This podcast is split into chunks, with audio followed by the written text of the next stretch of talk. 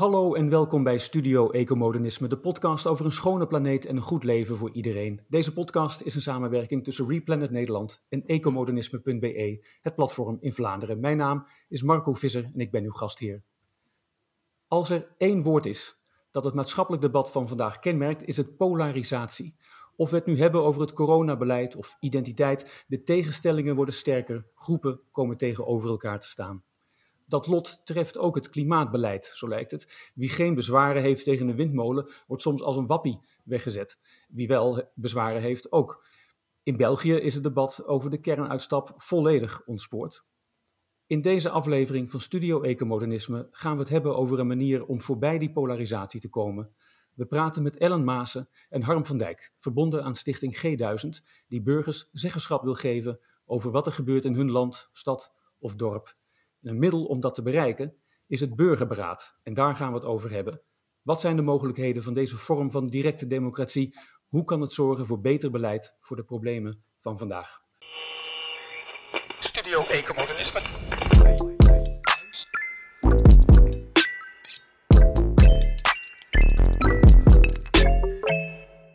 Ellen Maassen en Harm van Dijk, hartelijk welkom. Dank. Hoi. Voor, Voordat we straks horen wat een burgerberaad precies is, mag ik jullie beiden, van jullie beiden een, een kort antwoord op de vraag: ehm, wanneer raakte je geïnspireerd door nou ja, het toch vrij nieuwe idee van een burgerberaad? Wie trapt af? Nou, um, ik zal beginnen. Um, nou ja, mijn inspiratie was eigenlijk al heel lang geleden dat ik er een boek over las. Simpelweg. Welk boek was dat? Uh, tegen verkiezingen van David van Rijbroek. Juist. Um, ja, ik, ik, ik, kwam er tegen in het nieuws of zo en ik dacht, leuk, ga ik lezen. En ik vond het ontzettend interessant, maar ik dacht wel, ja, wat, wat, wat kan ik daar eigenlijk mee? Dit is leuk, eh, maar, uh, maar wat nu? Um, en toen een paar jaar later, toen uh, stond ik op een gegeven moment bij een klimaatprotest in Amsterdam.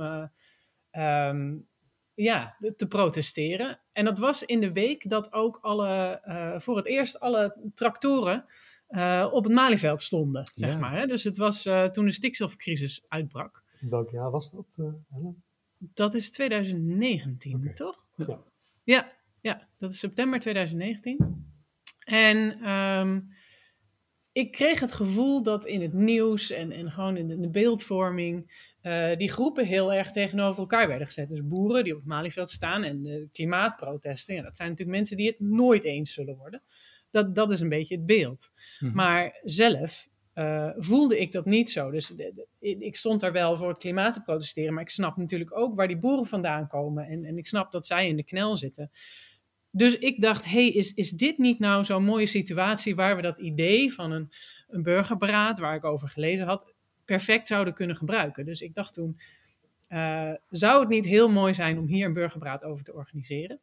Um, en ik ben toen gewoon wat om me heen gaan vragen of er andere mensen waren die dat een mooi idee vonden. En op een gegeven moment werd ik getipt om uh, contact op te nemen met de G1000. Um, en dat heb ik toen gedaan en ik kreeg meteen een harm aan de lijn.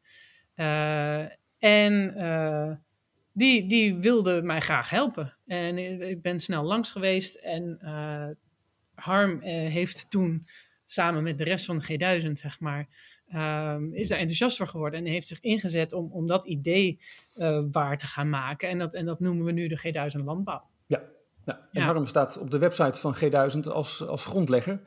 Dus Harm, jij zult al iets eerder met het burgerberaad in aanraking zijn, zijn gekomen. Hoe ging dat? Nou, dat lijkt wel op, uh, op de manier waarop Ellen uh, geïnspireerd is geraakt. In 2011 zag ik uh, de publiciteit rond de G1000 België op de avondjournaals, 11 november 2011. En ik werd eigenlijk meteen ontzettend enthousiast toen ik daar zo'n grote zaal met mensen zag. Ik dacht, wauw, wat is dit geweldig dat in België dat iemand het initiatief neemt om dat te doen. Ik heb daar toen niks mee gedaan, maar in 2013 kondigde David van Rijbroek de, in Nederland het boekje tegen verkiezingen aan. En toen ik dat hoorde, raakte ik opnieuw eigenlijk in vuur en vlam en dacht ik van ja, uh, Harm, het is nu of nooit. Dus in 2013 heb ik het initiatief genomen om de eerste G1000 in Nederland te organiseren. Ik ben natuurlijk eerst naar Antwerpen toegetogen om met de organisatoren van de G1000 België te spreken. En die hebben me uitgebreid verteld wat zij allemaal gedaan hadden. En daar hebben we ook onze lessen mee geleerd. en vervolgens hebben we gezegd van ja, oké, daar zitten hele goede dingen bij. Maar er zitten ook dingen bij die wij wel anders zouden willen. En we hebben daar toen onze Nederlandse ervaring gecombineerd met de lessen uit België. Maar het wel binnen het concept van België, van de G1000, zeg maar neergezet. Dus 22 maart 2014 hadden wij onze eerste G1000 in Amersfoort op lokale schaal met 630 geloten inwoners van Amersfoort. Mm Nou, dat is het begin geweest van de stichting G1000.nu. Dat is wel een belangrijk verschil, want in België is er natuurlijk ook een stichting G1000. Maar dat is een andere stichting, dat is stichting G1000.org. Uh, en als je daar inlogt, krijg je ook een andere geschiedenis. Dus even voor de helderheid, stichting G1000.nu in Nederland heeft sinds 2014 28 burgerberaden georganiseerd met uh, geloten burgers op allerlei plekken in Nederland. En we hebben die periode van intussen, hoeveel jaar is het? Acht jaar hebben we gebruikt om, en al die G-duizenden, om stap voor stap te leren hoe je dat nou eigenlijk moet doen, zo'n burgerberaad organiseren. Juist. Want vertel eens, dus wat is dan een, burgerberaad? Hoe, hoe, ging dat in Amersfoort en, en bij de volgende projecten? Nou, een burgerberaad is, uh, eigenlijk moet ik daarvoor terug naar, uh, in mijn eigen geschiedenis, naar het moment waarop ik als buurtbemiddelaar actief werd in de, in de gemeente Amersfoort. En ik met twee mensen aan tafel zat, twee burgers, die ogenschijnlijk, zeg maar, het on, nee niet ogenschijnlijk, die het onmogelijk vonden om met elkaar weer door één deur te gaan, die toch ingegaan waren op de uitnodiging om aan tafel te verschijnen. En waarbij het lukte om in een anderhalf uur tijd, met behulp van de methodes die ik toen als buurtbemiddelaar geleerd had, om die zover te krijgen dat ze samen aan de slag gingen om hun probleem op te lossen. Wat ik daar aan tafel zag gebeuren heeft zo'n diepe indruk op me gemaakt dat ik vanaf dat moment een beetje als persoonlijke missie op me genomen heb om te kijken of dat, als mensen dat kunnen, om dat uh, als antwoord op de polarisatie uh, met veel grotere groepen mensen te gaan ontwikkelen. Ja, en, en voor de helderheid, een, is, uh, je, je, zegt een buurtbemiddelaar. Werkt hij dan als ambtenaar bij de gemeente? Nee, dat is een, in Nederland is dat een heel netwerk van gewoon ambteloze burgers die vrijwillig uh, uh, met mensen die een conflict hebben in de buurt aan tafel gaan zitten en gaan kijken of, of ze die mensen, en meestal zijn dat buren, of ze die weer op goede voet met elkaar kunnen krijgen. En het, waarom het, belangrijk is als voorbeeld in, voor burgerberaden, is omdat dat eigenlijk de basis is voor het burgerberaad in Holland. Uh, zoals wij dat in de G1000 nu doen. Dat is namelijk proberen de deelnemers te verleiden om het eigen belang te relativeren. Het eigen, over het eigen belang en de eigen uh, wens en het eigen ja, ding heen te stappen. En zeg maar samen op zoek te gaan naar het gemeenschappelijke belang, het gedeelde belang. En wat is nou zo interessant? Op het moment dat je mensen met elkaar in gesprek weet te brengen, dan gebeurt dat eigenlijk vanzelf. Uh, bijna vanzelf. Je hebt wat spelregels nodig, je hebt wat voorwaarden nodig. Mensen moeten zich eerlijk behandeld voelen. Mensen moeten het idee hebben dat ze uh, gelijkwaardig zijn, dat er niet eentje domineert. Uh, mensen moeten het idee hebben dat er geluisterd wordt, dus dat ze gehoord worden. Nou, dat zijn allemaal dingen die je moet op een goede manier moet regelen. En als dat goed geregeld is, dan kan je dus zelfs in een zaal met duizend mensen voor elkaar krijgen dat uh, zeg maar de mensen hun individuele belang loslaten en bereid zijn om voor het gemeenschappelijke belang te gaan, het belang van de gemeenschap, en daarvoor ook bereid zijn om het individuele belang zelfs op te offeren. Juist. Dat, en, iets, en, dat kennen we, dat gevoel zijn we helemaal kwijtgeraakt in, uh, in onze huidige tijd. Iedereen leeft met de gedachte van NIMBY, not in my backyard. Ik weet niet hoe dat in België is, maar in Nederland is dat een veel voorkomend fenomeen. Ja, en als er niemand anders is die op jouw belangen let, dan is dat natuurlijk een hele logische reactie en de basis voor veel polarisatie. En dan is het jullie taak, de taak voor G1000 nu, om dat proces zo te begeleiden dat iedereen zich gehoord voelt, dat iedereen het idee heeft, we zijn gelijkwaardig hier aan elkaar in deze zaal. Wij hebben, uh, wij hebben op basis, uh, in de theorie heet dat, uh, Habermas noemt dat een machtsvrije dialoog. Wat wij dus gedaan hebben is het, het, het academische idee van een machtsvrije dialoog vertalen naar een concrete werkvorm. Een G1000-werkvorm. En wij noemen dat gewoon het instrument G1000. Dat is begonnen met een, uh, een evenement van één dag. En uh, geleidelijk aan hebben we gemerkt dat we met één dag hm. echt geen resultaten boeken als het gaat om de politieke besluitvorming. Dus wat we vervolgens gedaan hebben is uh, zoeken naar een proces, een procedure van een aantal bijeenkomsten met deelnemers, die er uiteindelijk toe leidt dat er een besluit valt, wij noemen dat het burgerbesluit, uh, wat wel serieus genomen wordt door uh, de politici. Want dat was ook een van de dingen waar de G1000 België tegenaan liep. Ze hadden een fantastische dag. En bij ons begon dat ook zo. De burgers hadden een fantastische dag. En daarna werden, werd, werden de uitkomsten volledig genegeerd door de, door de politiek. Nou, die reis van acht jaar en 28 G1000'en, die heeft ons gebracht waar we nu zijn. En waar we nu zijn, is dat uitkomsten van een G1000 worden tegenwoordig in Nederland volledig overgenomen door de politiek en vertaald in besluitvorming. En daar gaat niet nog een college van bestuur, van burgemeester en wethouder overheen, of de Tweede Kamer, wanneer het op landelijk niveau wordt getild, om, om dat advies vanuit de burgers nog eens uh, te, ja, te overwegen, wikken en wegen, wat wel en wat niet. Nee, in Nederland is het, dit wordt overgenomen?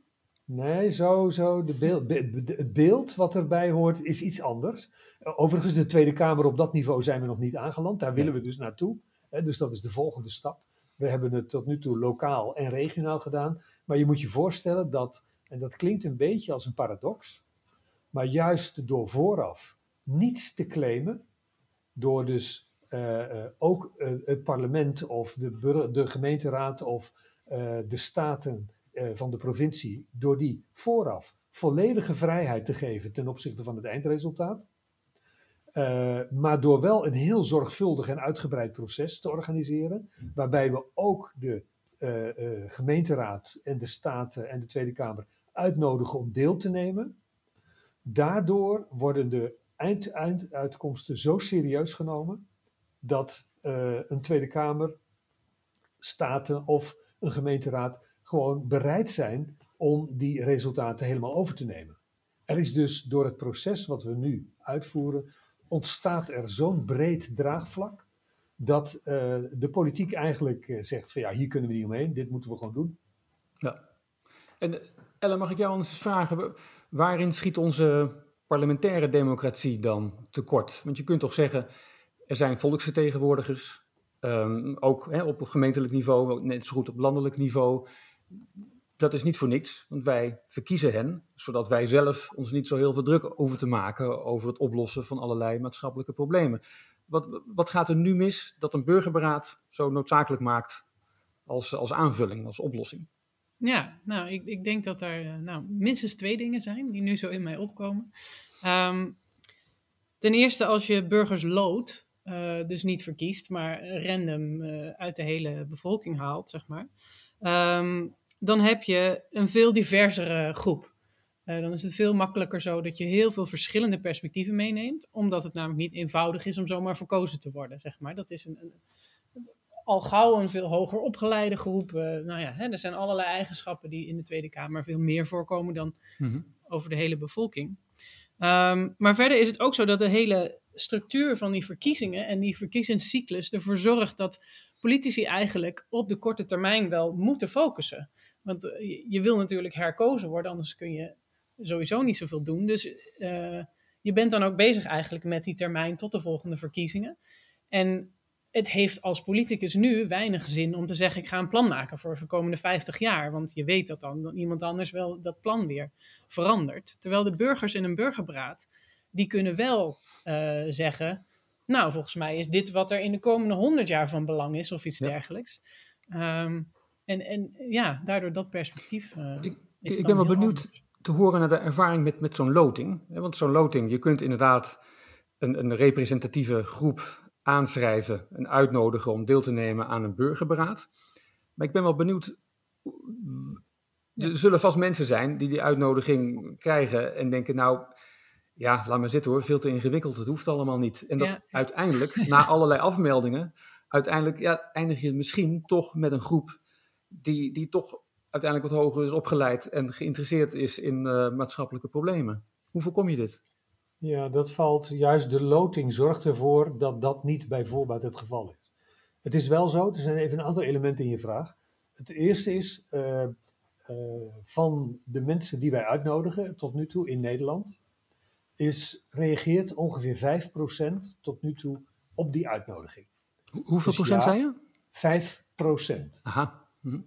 Uh, dat klinkt als een laag percentage, maar ja. als je ervaring hebt met direct mailing, dus gewoon willekeurig mensen aanschrijft, dan is regulier de reactie, de respons, is ongeveer een half procent. Dus om te beginnen is door het onderwerp en door de uitnodiging voor een G1000 om mee te spreken over de toekomst van je eigen gemeenschap, uh, ligt de respons ligt al aanzienlijk hoger dan dat die bij elke andere direct mail het geval is.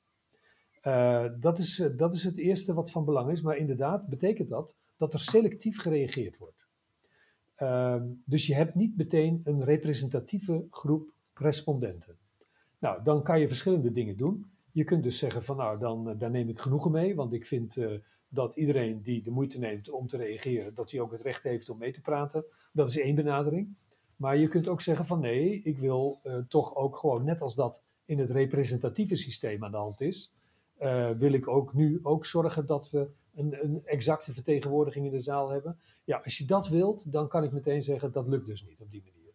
Want er zijn altijd groepen om andere redenen, niet omdat ze minder verdienen of wat dan ook, maar er zijn altijd groepen die zeggen van, nou, uh, wij doen aan zoiets niet mee. En dan blijkt dat dat uh, bij bijna altijd ook de groep is die zeg maar niet meedoet aan de verkiezingen. Dat is een groep die notoir wantrouwend is ten opzichte van alles wat door de instituties in de gemeenschap georganiseerd wordt. En die groep onderkent nog onvoldoende dat een G1000, zoals wij die in Nederland organiseren, onafhankelijk is van de overheid. Want dat is het kenmerk van de stichting G1000 nu. Wij zijn aan niemand gebonden. We merken wel dat nu we dit vaker doen, dat de bekendheid van de G1000 toeneemt en dat ook het begrip van die onafhankelijkheid toeneemt. Maar wat we dit jaar voor het eerst gaan doen om het ontbreken van zeg maar, de, de groep die, die zeg maar, ook niet aan het kiezen is, uh, om, om het vertrouwen van die groep te winnen, dat is dat wij uh, zeg maar gaan proberen om nog meer faciliteiten te bieden dan we nu al doen. we bieden nu bijvoorbeeld voor deelnemers kinderopvang, we bieden onkostenvergoeding, zodat het, zeg maar de drempel zo laag mogelijk is. Ja. We gaan dit jaar ook dagvergoeding betalen. In Amsterdam, bij het burgerberaad, wat vorig jaar november door anderen in Amsterdam is georganiseerd, is daar voor het eerst mee geëxperimenteerd. En dat heeft ook weer opgeleverd dat er weer een net iets andere groep in de zaal zit. Maar het interessante van loten is dat het echt niet zo is dat per se de hoger opgeleiden in de zaal zitten. Want dat is bij klassieke vormen van participatie inderdaad het geval. Uh, als mensen gewoon zelf naar binnen mogen lopen. Maar op het moment dat je loodt, dan krijg je, is onze ervaring, wel degelijk de hele diversiteit aan stemmen in de gemeenschap krijg je in de zaal. Uh, je breekt door de groep usual suspects heen. Want dat is ook echt een kwaal, dat mm -hmm. uh, in participatieprocessen voor de overheid altijd dezelfde mensen hun, hun vinger opsteken en dan in de zaal komen. Nou, door loting is dat niet meer het geval. Dus je hebt een enorme toename in de diversiteit van stemmen in de zaal. Maar waar we echt uiteindelijk willen eindigen, namelijk dat alle stemmen in de gemeenschap, ook in de zaal, gehoord worden. Nou, daar zijn we nog niet helemaal. En daar zijn we nog druk mee doende om dat uiteindelijk echt voor elkaar te krijgen. Ja. ja.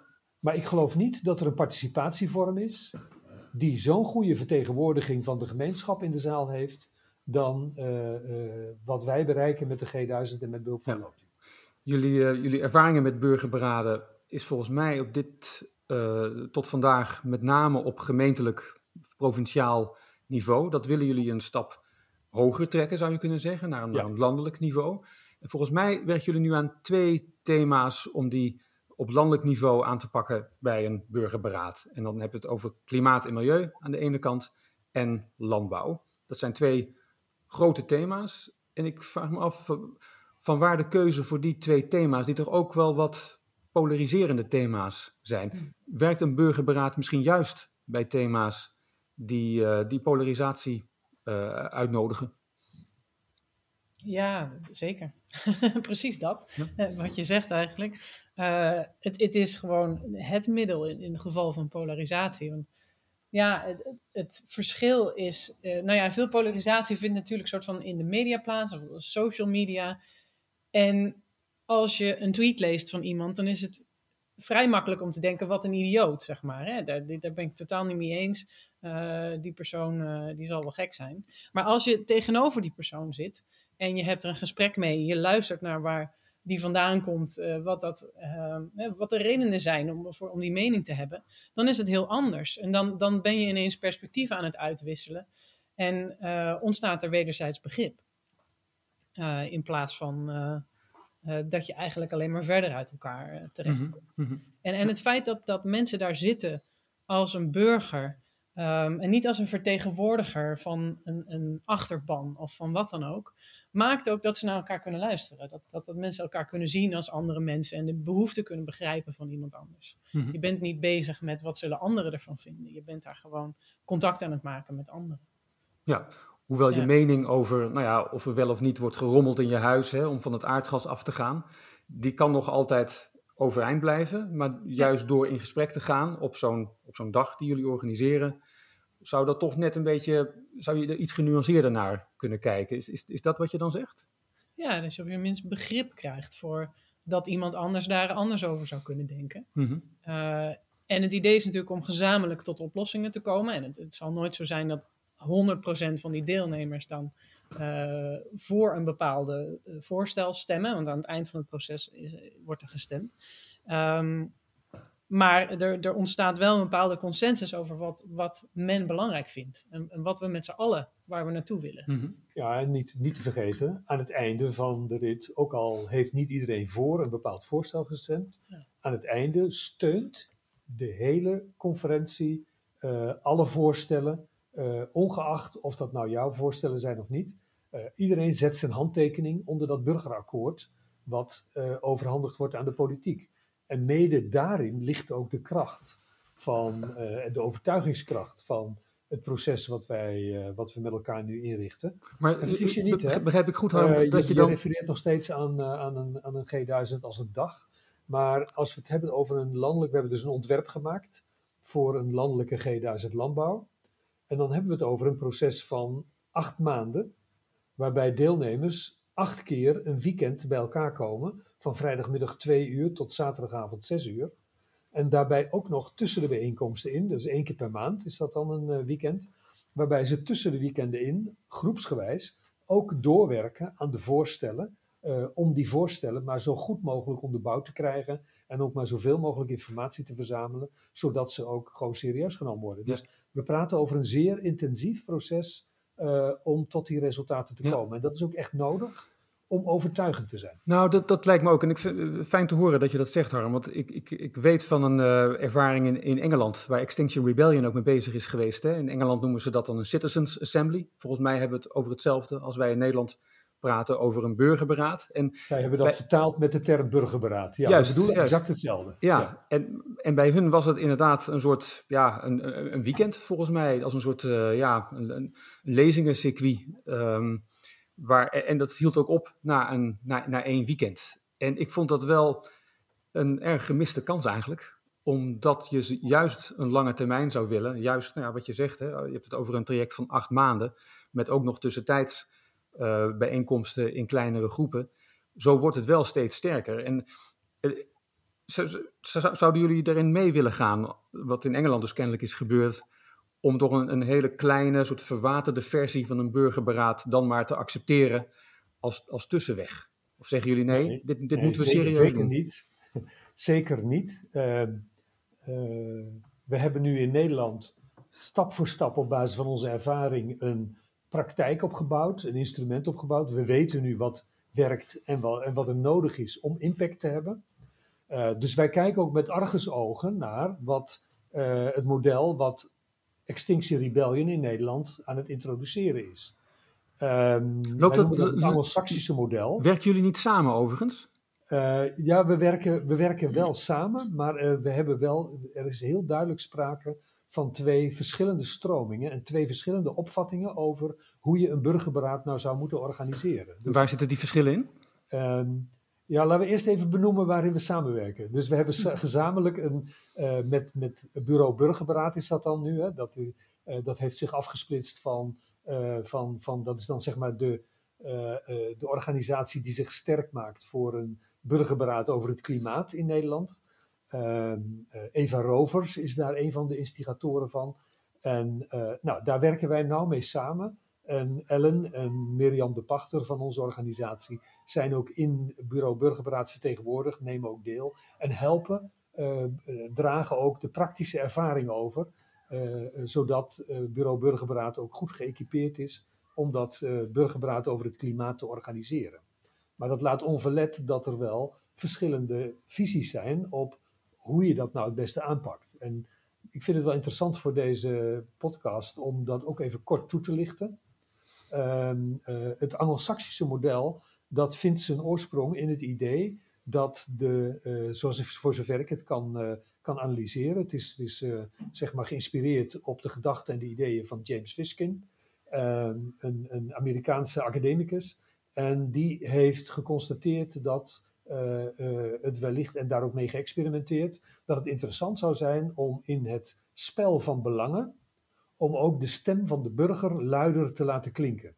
En daar heeft hij uh, geleidelijk aan een aantal gedachten op ge, gevormd. En vanuit die gedachten is het Anglo-Saxische model gevormd. En dat komt erop neer dat het belangrijk is om de burger een stem te geven. Maar in Nederland doen we dat al sinds de jaren 70. We hebben in Nederland, afwijkend van het internationale discours, al een enorme geschiedenis met democratisering. Mm -hmm. Uh, in de jaren 70 uh, was de behoefte aan uh, burgers een stem geven, luid op. In de jaren 80 hebben we dat geïnstitutionaliseerd in medezeggenschapsraden en inspraakmodellen, et cetera. En allerlei wetten en noem maar op. En aan het eind van de jaren 80 waren al, was die hele democratisering was geïnstitutionaliseerd en eigenlijk voor een groot deel monddood gemaakt. In de jaren negentig kregen we daar een reactie op van de beleidsmakers. Die zagen van ja, we willen wel iets in Nederland, maar dat is niet gelukt. Dus we moeten iets anders zoeken. Toen kreeg je de participatieve beleidsvorming. Dus werd, tijdens de beleidsvorming werden allerlei partijen uitgenodigd om ook hun mening te geven.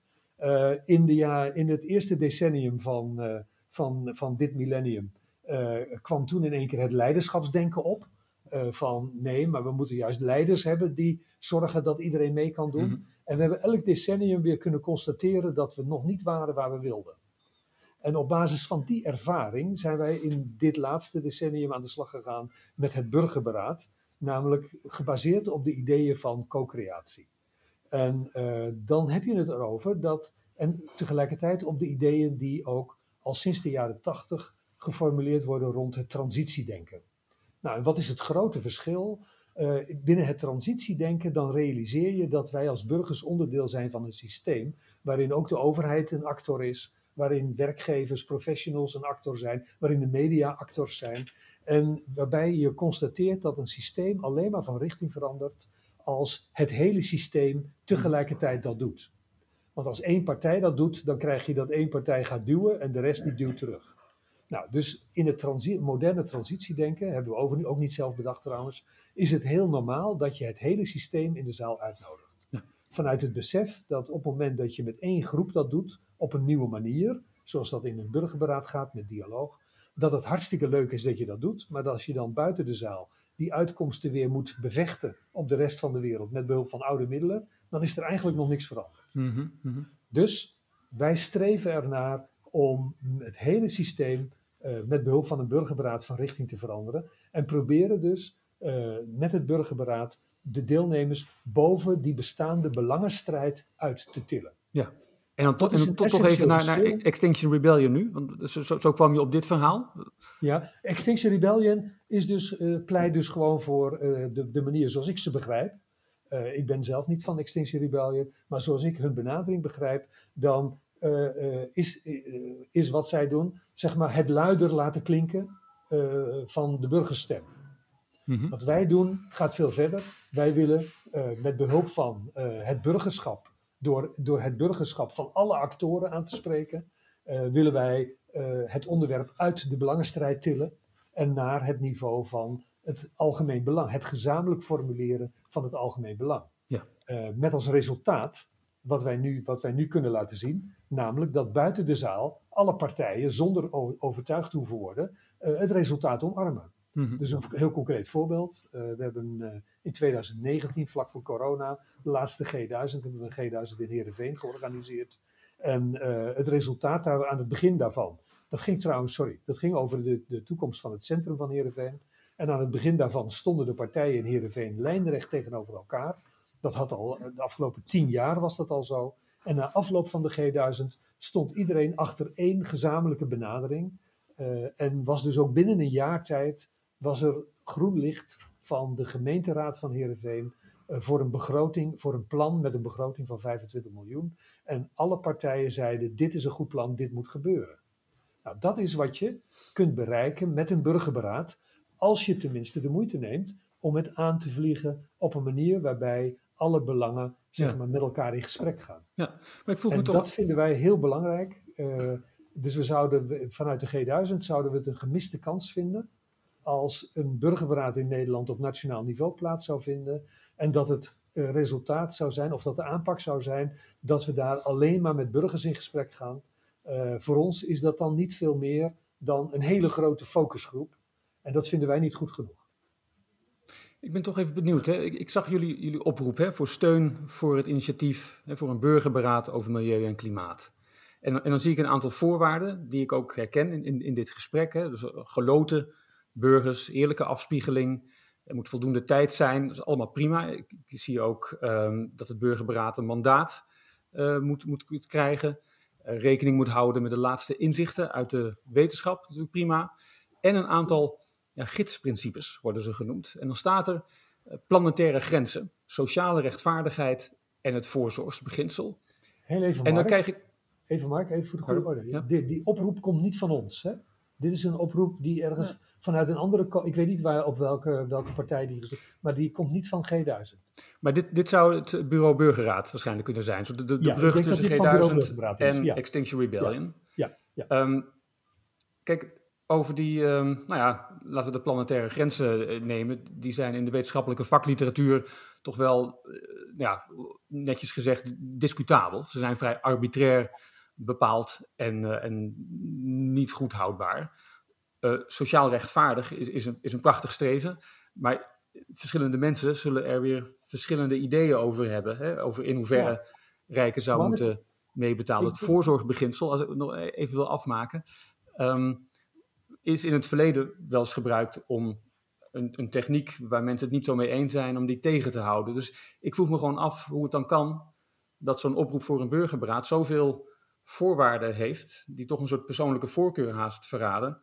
Um, of zou je juist moeten kunnen stellen, nou ja, laten we het helemaal opengooien. Hoe krijgt Nederland de CO2-uitstoot um, in uh, 2050 uh, drastisch omlaag?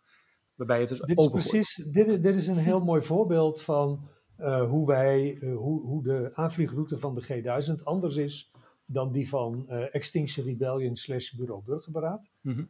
um, op het moment dat wij een burgerberaad organiseren, dan is er een aanleiding.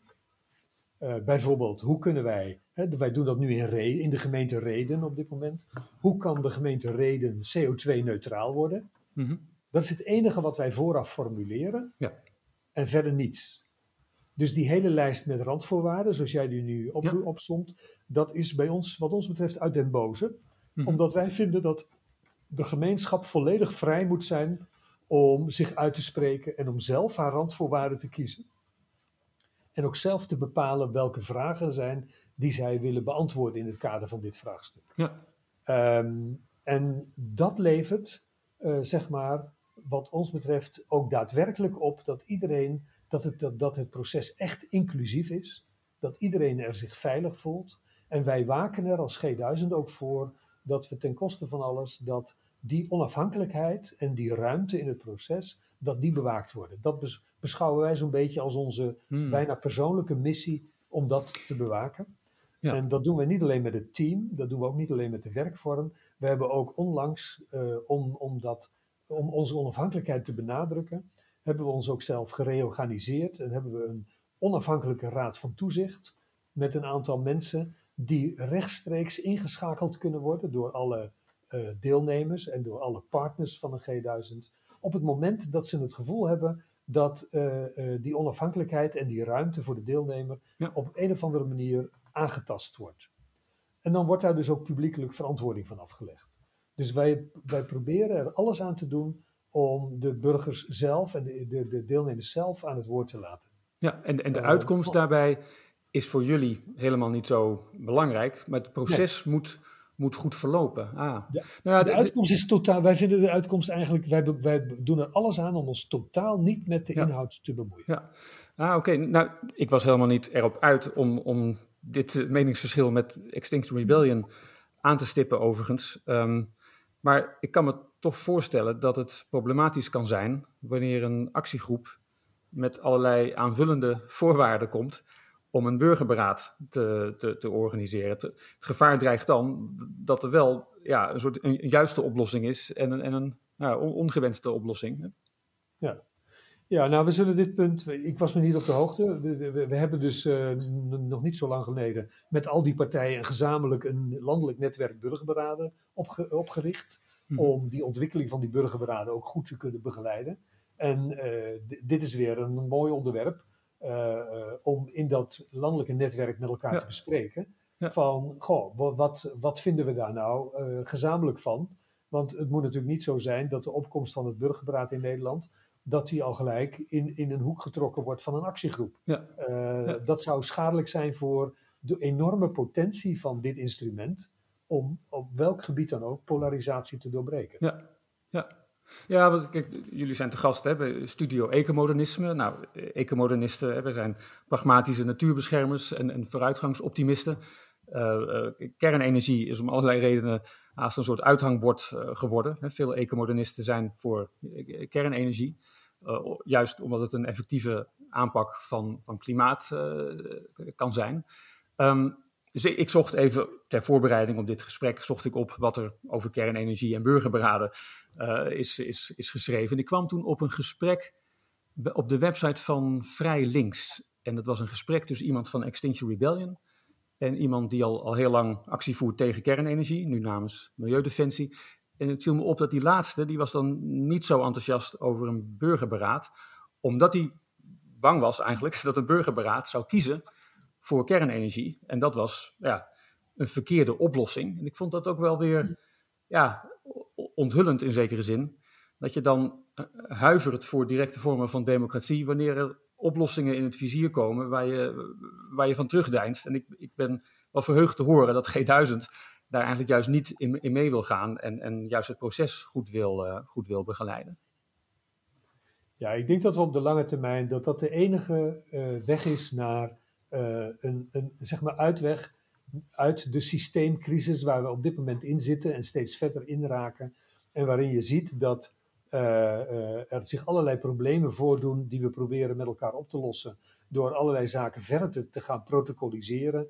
In de hoop dat we dan via objectivering tot, tot uitwegen komen. En wat je ervan ziet is dat we als samenleving alsmaar meer inert worden. Dat we niet meer kunnen bewegen, dat we geen nieuw beleid meer kunnen implementeren, omdat eh, de praktische hulpmiddelen gewoon uitgeput zijn. Ja, en dan is het de hoogste tijd dat we met elkaar weer gewoon open aan tafel gaan zitten. Ja. Alle agenda's aan de kant leggen. En dan kan het niet zo zijn dat er nog één agenda toch nog een beetje ergens via een achterdeurtje binnenpiept. Ja. Eh, dan moet je ook echt iedereen al zijn agenda's opzij leggen. En dan moet je het gesprek open met elkaar Ja. voeren. Ellen, jij werkt namens G1000.nu aan een burgerberaad over landbouw. Eh, vertel eens, hoe ver sta je daarmee? Eh, nou, we hebben een, met een G1000 een, een prachtig projectplan uitgewerkt. Dus het is eh, heel concreet uitgewerkt hoe het hele proces eh, loopt. Ehm, verder eh, zijn we vooral ook daarvoor ook al de afgelopen twee jaar heel erg bezig geweest om eh, te zorgen dat het hele systeem aangehaakt is bij het proces. Zoals Harm eerder vertelde, dat dat belangrijk is. Mhm. Ehm, dus uh, we hebben heel veel verschillende zeg maar, belangenpartijen uh, rond de sector landbouw betrokken. en dat gaat om um, de, de, industrie, dus zeg maar Friesland Campina, ja. Agifirm, maar ook om boeren, belangenpartijen um, en um, natuurpartijen, dus het staatsbosbeheer en, ja. en ook om overheden. Ja, want die maken altijd deel uit hè, van, een, van een burgerberaad. Ik geloof twee op de drie deelnemers is, is echt uit de groep met burgers. En dan heb je ook nog een percentage, 12,5% zeg ik uit mijn hoofd. Hè, dat komt van bedrijven en een deel van de overheid en nog een deel vrijdenkers. Om even dat, dat hele onderscheid... Uh, ja, dat is dus het G1000-model van het hele systeem in de zaal. Ja, ja. precies. En, en, en, en, waar wachten we dan op? Wanneer komt er dan, en van wie komt er groen licht voor, uh, voor zo'n burgerberaad over landbouw? Nou, wij wachten nu natuurlijk op de nieuwe regering en op de manier waarop zij nu de problemen in de landbouw te lijf gaat. En heel eerlijk gezegd, uh, word ik nog niet zo heel vrolijk van die eerste geluiden die ik hoor tot nu toe. Er is natuurlijk een enorme zak geld klaargezet om het stikstofprobleem te tackelen. Dat betekent dat er een enorme druk gaat komen op alle partijen om met resultaten te komen, want er wordt gewoon enorm veel geld opgezet. Maar ik zie eigenlijk weinig initiatief om voordat die hele sanering van de sector plaatsvindt, om eerst met elkaar nou eens op een rij te zetten, wat vinden we nou wel en niet belangrijk. Mhm. Een initiatief daarvoor van de Tweede Kamer, uh, wat door de SER is uitgewerkt vorig jaar maart, uh, om een, eerst een breed landbouwakkoord met elkaar uit te werken, dat is eigenlijk gewoon in de onderste la verdwenen. En als ik de nieuwe minister goed hoor, dan zijn er eigenlijk twee kaarten waar hij zich op zet. Dat is één, dat is de gebiedsgerichte aanpak. Dus helemaal niet landelijk met elkaar in gesprek aangaan, mhm. maar gewoon per gebied kijken wat er kan en wat er moet. Uh, en tegelijkertijd managementmaatregelen, oftewel maatregelen binnen het bedrijf. Ja, dat nou, klinkt niet als een hele grote visie waar, uh, ja, waar mensen warm voor kunnen worden en waar je ook echt 40, 50 jaar mee vooruit kan, of niet verder. Nee, het is dus helemaal niet de urgentie, het idee op dit moment dat er een onderliggend probleem opgelost moet worden. Dat betekent dat wij gezegd hebben van nou, als dat als de aandacht van de overheid op dit moment zo, eh, zo zeg maar, oplossingsgericht uh, is en zo per gebied versnipperd wordt, ja, dan moeten wij ons daar gewoon voorlopig even op aanpassen. Dus wij hebben onze ambities om op korte termijn een landelijke G1000 te organiseren, hebben we voorlopig even in de, in de kast gezet.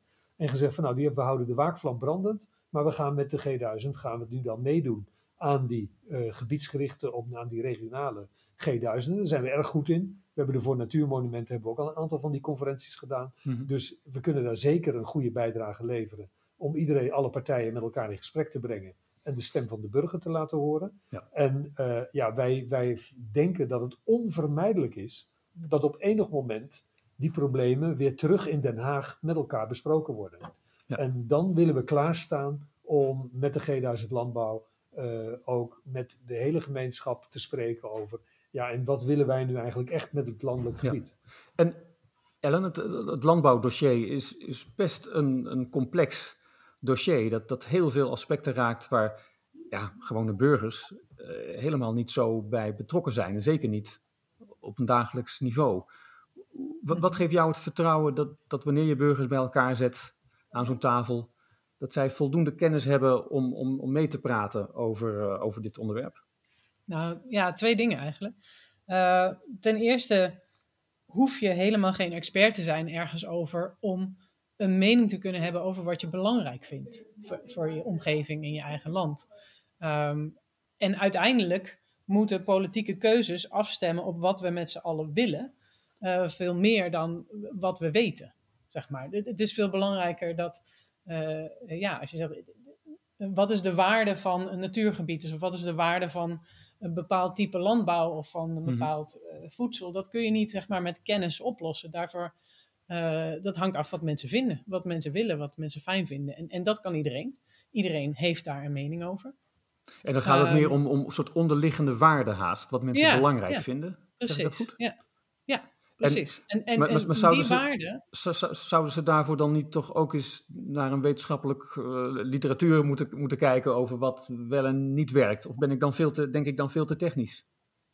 Ja, ik denk dat, dat, dat nou ja, wat wel en niet werkt, waarvoor? Waar wil je dat het voor werkt? Mm -hmm. Misschien vinden we het wel allemaal belangrijk dat we een schone lucht hebben. Mm -hmm. um, eh, daar kun je best met z'n allen achter komen zonder dat je dan uh, de, ja. de, de, kennis hebt over hoe dat zou moeten. Maar je kunt wel met z'n allen bepalen wat je belangrijk vindt. Maar ja. dat is nog maar stap één. Hè? Want, het, want uh, in het G1000-model is de eerste bijeenkomst gaat hierover. Wat willen we eigenlijk met z'n allen? Hoe zouden we willen dat de landbouw eruit ziet, dat de wereld eruit ziet? Nou, hè, daar kun je van alles bij betrekken. Uh, en de volgende stap is om dan concreet te gaan worden en te kijken uh, hoe dat er dan uit moet zien in allerlei plannen. Uh, en in die fase zorgen we dat er juist heel veel kennis wordt aangereikt. Want dat was eigenlijk mijn tweede punt. Mm um, het proces is acht maanden. En dus iedereen heeft de tijd om die kennis op te zoeken die ze nodig hebben. Um, en daarvoor zijn we de kenniscoalitie aan het opzetten bij de G1000 Landbouw. Uh, dus dan betrekken we zoveel mogelijk verschillende kennisdragers op het gebied van landbouw en alles wat erbij hoort. Dus ook gezondheid, dat heeft met ja. voeding te maken, nou, van alles. Um, en die zijn er ter ondersteuning van die deelnemers om te zorgen dat de kennis die zij graag willen, die zij zoeken om bepaalde oplossingen te gaan verzinnen, mm -hmm. dat die beschikbaar is. En dat die mensen ja uh, geïnterviewd kunnen worden. Maar wie bepaalt dan wie de experts zijn? Ja, dat, nou, dat is inderdaad een, hele complexe vraag natuurlijk. Hè? Want dat is, ja. dat is niet neutraal. Er is heel veel verschillende eh, kennis en er zitten ook heel veel verschillende meningen in kennis. Dus wat we gedaan hebben is, is uh, we benaderen zoveel mogelijk mensen met kennis uit heel veel verschillende perspectieven. Dus we zorgen dat echt alles beschikbaar is. En dan is het initiatief aan de deelnemers om uh, te zeggen van wie willen wij iets horen. Uh, en als ze over een bepaald onderwerp iets willen weten, dan zorgen wij dat we mensen met verschillende perspectieven aandragen over mm -hmm. dat onderwerp. Ja. ja, dus het komt wel voor een deel in ieder geval, mag het initiatief ook bij de, bij de geloten burgers liggen om dan um, met, met, met ja. experts aan te komen. Ja. Ja. Nou nee, anders, sterker oh. nog, de bedoeling is dat de deelnemers zelf beslissen wie zij willen raadplegen. Ja. Dus ook ja. daar heeft de organisatie geen hand in. Ligt daar niet toch een gevaar? Hè? Ik, ik kan me best voorstellen, stel dat ik tot de gelukkigen zou behoren die dan mogen meepraten. En ik zou zeggen dat ik wel van, uh, van alle veeteelt af zou willen. Dat we gewoon echt gewoon naar nul ja. dieren uiteindelijk gaan ja. in de landbouw. Dat is een vrij radicale gedachte op dit moment. Um, en ik, ik, kan me best voorstellen dat, dat zo'n radicale gedachte gewoon een beetje doodvalt in een grote groep. Dat een grote groep juist meer geneigd is om naar al bekende oplossingen, hè, van, van min of meer oplossingen die ze kennen uit de media en van de actiegroepen die, die wat groter zijn dan, dan de kleinere, om, om, om die bekende wegen te gaan bewandelen.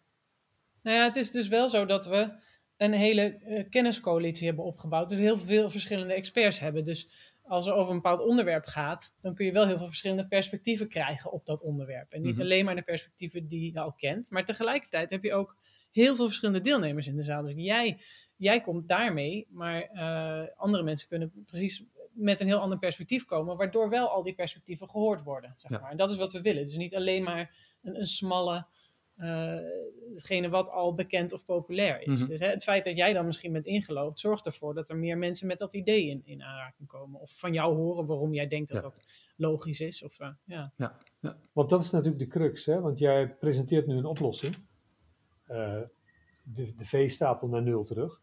Maar de vraag die daarbij hoort is, die deelnemers elkaar stellen, waarom wil je dat? Waarom vind je dat belangrijk? Mm-hmm. Ja. En op die manier peil je dus de onderliggende behoeften, krijg je met elkaar helder. Ja. En kun je daarna zeggen, als die behoefte er is, en daar is brede belangstelling voor, kun je met elkaar zeggen van, oké, okay, en we, op welke manieren kan je dat nog meer bereiken?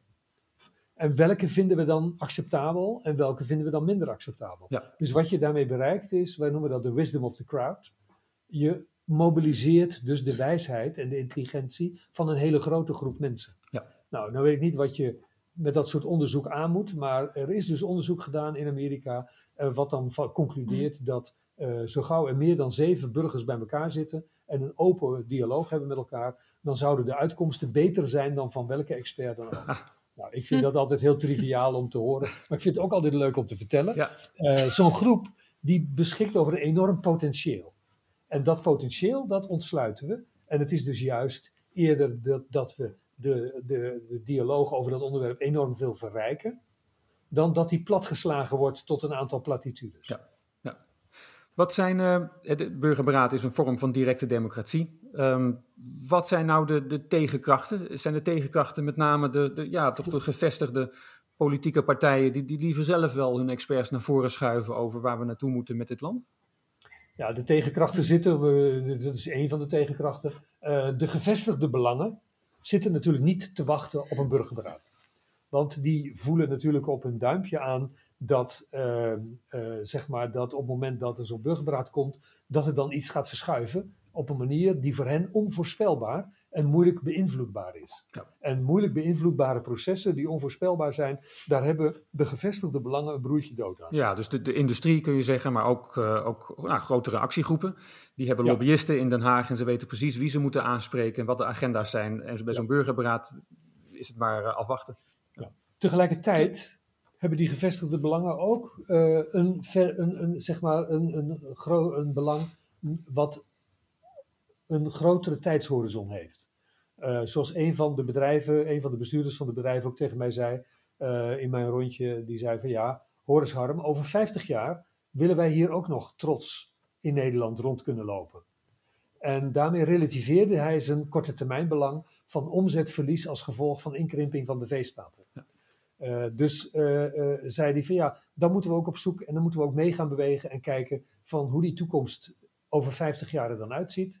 En dan willen wij ook weten eh, hoe we ons daarop in moeten stellen. Dus in zo'n bedrijf heeft ook hè, die gevestigde belangen, eh, in elk geval de personen met visie, eh, kunnen altijd meerdere lagen aanboren daarin. En kunnen dan ook juist een aanleiding zien om zo'n beweging te steunen. Ja. En dat betekent dat op het moment dat het systeem echt knel loopt, oftewel, dan zijn we weer terug bij, is het dan geschikt, een instrument geschikt voor crisis? Ja, want een crisis is meestal een teken dat het bestaande systeem even helemaal, helemaal fout loopt of vastloopt. En dan is een burgerberaad een fantastische manier, eh, dialoog überhaupt, een fantastische manier om de situatie weer vloeibaar te maken en om weer nieuwe perspectieven te openen. Juist. Nou, ik vind het ook een fantastisch idee. Eh, zeg nog even tot slot waar, eh, nou, wat wij kunnen doen om het burgerberaad verder te brengen. Zijn er petities die we kunnen ondertekenen? Websites waar we naartoe moeten? Nou, eh, eh, eh, sowieso, websites, g1000landbouw.nu, oh, eh, sorry, eh, eh, G- ja, G1000.nu en G1000.nu, G1000.nl. eh, eh, burgerberaad.nu, noem het maar op. Tik gewoon op Google in de, de term burgerberaad. En je wordt gelukkig maar, word je aan alle kanten, word je, word je nou niet bestookt, maar Juist. zie je een hele lijst met initiatieven waar je je bij aan kunt sluiten, waar je lid van kunt worden. Wij organiseren eh één keer per twee maanden een webinar. Op 9 maart is er weer één, waarbij we achtergrondinformatie geven. Maar het allerbelangrijkste wat je kunt doen is, in je eigen gemeente of in je eigen organisatie, pleiten voor het organiseren van een burgerberaad of voor het ondersteunen van de organisatie van een burgerberaad. Dus probeer in je eigen omgeving eh, je, je, je, de organisatie waar je deel uit van uitmaakt of de gemeenschap waar je deel te mobiliseren om ook een burgerberaad te gaan houden.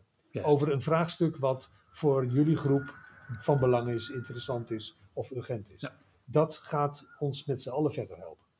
Ik wens jullie daar heel veel succes bij. Ellen Maassen, Harm van Dijk van Stichting G1000. Hartelijk dank dat jullie vandaag te gast wilden zijn bij Studio Ecomodernisme. En u, luisteraar, bedankt voor het luisteren. Als u deze podcast waardeert, vertel anderen over Studio Ecomodernisme. Of ga naar replanet.nl of ecomodernisme.be en steun ons. Schrijf u in voor de digitale nieuwsbrief. Overweeg een donatie om ons werk mogelijk te maken. En volg ons op sociale media. Abonneer u op Studio Ecomodernisme via ons kanaal op Spotify, Soundcloud, op YouTube of zoek ons op bij andere bekende platforms voor podcasts waar u meer gesprekken kunt opzoeken over een schone planeet en een goed leven voor iedereen. Hartelijk dank voor het luisteren. Graag tot een volgende keer. Studio Ecomodernisme.